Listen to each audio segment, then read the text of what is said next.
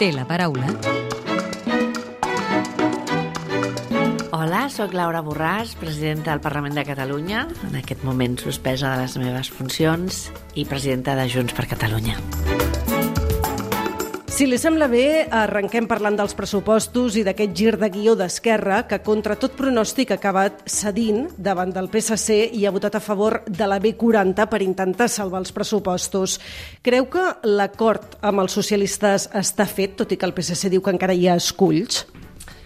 Bé, d'entrada aquest eh, gir de guió eh, ofereix un escenari en el qual es veu que quan es tracta d'arribar a acords amb el PSC, Esquerra està optant pel sí a tot. Quan es tractava de complir els acords signats que havien permès fer el govern amb Junts, llavors era un no a tot. Per tant, és un gir de guió eh, que presenta una situació doncs, insòlita, no? que, que s'havien mantingut amb una, fent afirmacions que hi havia qüestions d'aquesta negociació, com ara és el cas de la B40, que eren qüestions de model de país, però ara resulta que ja no són qüestions de model de país perquè el que es tracta doncs, és d'aprovar els pressupostos al preu que sigui. No sé si això representarà que finalment s'aprovin els pressupostos. En qualsevol cas, sí que és un gest que evidencia que teníem un govern en minoria absoluta i ara també tenim un govern d'incoherència absoluta.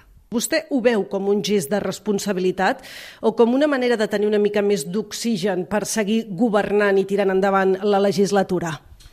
Bé, jo crec que és uh, una incoherència pel fet aquest, que han preferit cedir uh, davant d'una carretera, d'una infraestructura que, a més a més, representa que era contrària, uh, ho havien dit així, doncs, uh, diversos uh, consellers uh, de, del seu model de país, i han preferit fer això més que no pas eh, mantenir un govern independentista que és qui va permetre que hi hagués aquesta presidència del govern. Per tant, això és una incoherència i que hauran d'explicar els que la practiquen, diríem, des de fora es veuen perplexitat, es veu amb, amb, amb tristesa pel fet eh, que no es tingui en compte què és el que vol aquest país, que vota independència i que el 14 de febrer vam fer possible que hi hagués un govern independentista. El mateix Pere Aragonès va dir que es presentava per culminar la independència. Ja resulta que sembla que només vulgui aprovar pressupostos per poder allargar més temps la seva estada en la presidència de la Generalitat. Creu que amb aquest gir de guió, amb aquesta sessió davant del PSC, el president aragonès ja ha triat soci, els descarta a vostès com a possibles aliats parlamentaris per aprovar els pressupostos? Bé, jo crec que això ja era així a partir del moment en què eren socis a, a Madrid, eh, eren socis a l'Ajuntament de Barcelona i per tant ho vam estar dient durant el temps que érem a govern, que havia de decidir quins eren els pactes als quals Esquerra donava prioritat, si els pactes amb el PSOE i amb l'Estat o els pactes amb Junts i, per tant, amb, amb l'independentisme. Tot i així, Junts seguirà assegut a la taula de negociació dels pressupostos? Això sí que és un exercici de responsabilitat. Això sí que és la manera com Junts tenim de treballar i aquí sí que defensem el nostre model de país, per una banda, i alhora el compromís amb el país eh, que vota a les eleccions i que ens va fer eh, confiança. Per tant, el gest de responsabilitat per part de Junts sí que és mantenir eh, la, les propostes que nosaltres fem per poder-les negociar perquè pensem que és el millor pel conjunt eh, de la ciutadania i aquest és el nostre compromís també en l'àmbit nacional precisament perquè recordem quin ha estat el vot i ens mantenim ferms en, en aquesta coherència. Si finalment el govern aconseguís aprovar els pressupostos amb l'aval del PSC i també dels comuns, Junts eh, presentaria una esmena a la totalitat quan aquests comptes es comencessin a tramitar al Parlament?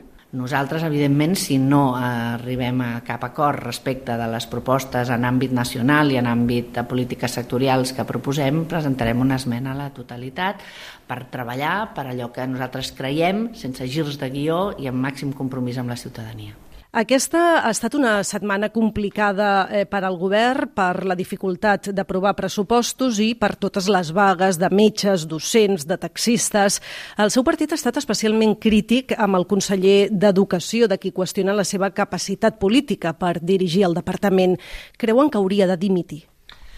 Bé, no hi ha hagut mai tantes peticions de dimissió com les que acumula el conseller aquesta actitud eh, més eh, desafiant o més eh, eh, prepotent, que ha estat alguna de les paraules que ha utilitzat, algun dels adjectius que ha utilitzat eh, doncs, altres partits també eh, aquí al Parlament, de com s'està portant eh, l'acció política per part del govern, naturalment eh, no és una manera de fer que, en la qual Junts per Catalunya se senti còmoda. El seu partit ocupava fa pocs mesos també la Conselleria de Salut. Tenen alguna responsabilitat també en aquestes protestes? Ho dic perquè també va ser xiulada vostè quan es va adreçar als manifestants. M'agrada això dels xiulets perquè sembla que els manifestants vinguessin al Parlament de Catalunya a xiular a la Laura Borràs, cosa que com eh, qualsevol que tingui eh, doncs eh, les coses clares sap que no és així. Eh, jo el que vaig fer en aquesta setmana de protestes i de vagues és el que faig sempre, que és sortir a donar la cara, sortir a escoltar la gent que protesta i que ens transmet el seu enuig. Altres prefereixen no sortir i quedar-se dins, eh, protegits a dins del palau. I altres fins i tot utilitzen portes laterals o altres per sortides per eh, evitar eh, els eh, xiulets la gent que ve al Parlament de Catalunya ve perquè eh, ve a expressar la seva, mm, doncs, eh, en aquest cas, el seu enuig i, i la seva falta d'expectatives de, davant dels representants de la ciutadania. I, per tant, el que hem de fer els representants de la ciutadania, crec, sempre, és sortir a escoltar. I això és el que he fet sempre i això és el que he fet també aquesta setmana. Ho vaig fer quan van venir les infermeres i quan eh, el personal sanitari en general i també els docents. Parlant de qüestions qüestions judicials, vostè aviat serà jutjada d'aquí uns 15 dies per presumptament fraccionar contractes quan dirigia la institució de les lletres catalanes. De fet, aquest és el motiu pel qual el Parlament va acordar la seva suspensió com a presidenta de la cambra. Vostè sempre ha defensat la seva innocència. Confiat que ho podrà demostrar també en el judici. Ho dic perquè el seu advocat sempre diu que hi haurà sorpreses.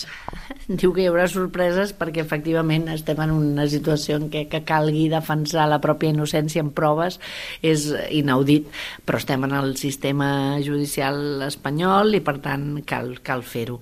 La meva causa efectivament entra en la seva recta final i per tant en aquest sentit tindré la tranquil·litat de poder explicar amb fets i amb proves tot allò que ja he dit durant aquests eh, quatre anys i mig i és que jo no he comès cap delicte. No els delictes que, que se m'imputaven i ja no se m'imputen, perquè m'he passat quatre anys i mig amb quatre delictes al damunt dels meves espatlles i ara ja només eh, n'hi ha dos. No és que no n'he comès ni quatre, ni dos, ni cap. Jo no he fraccionat, però el de fraccionament, si de cas, és una irregularitat administrativa, no és una causa penal com amb la que jo em trobo. Si li sembla bé, ens endinsem ara ja en el terreny més personal i li demano si pot contestar amb respostes al màxim de breu possibles. M'han dit que vostè és molt exigent. Això és una virtut o és un defecte?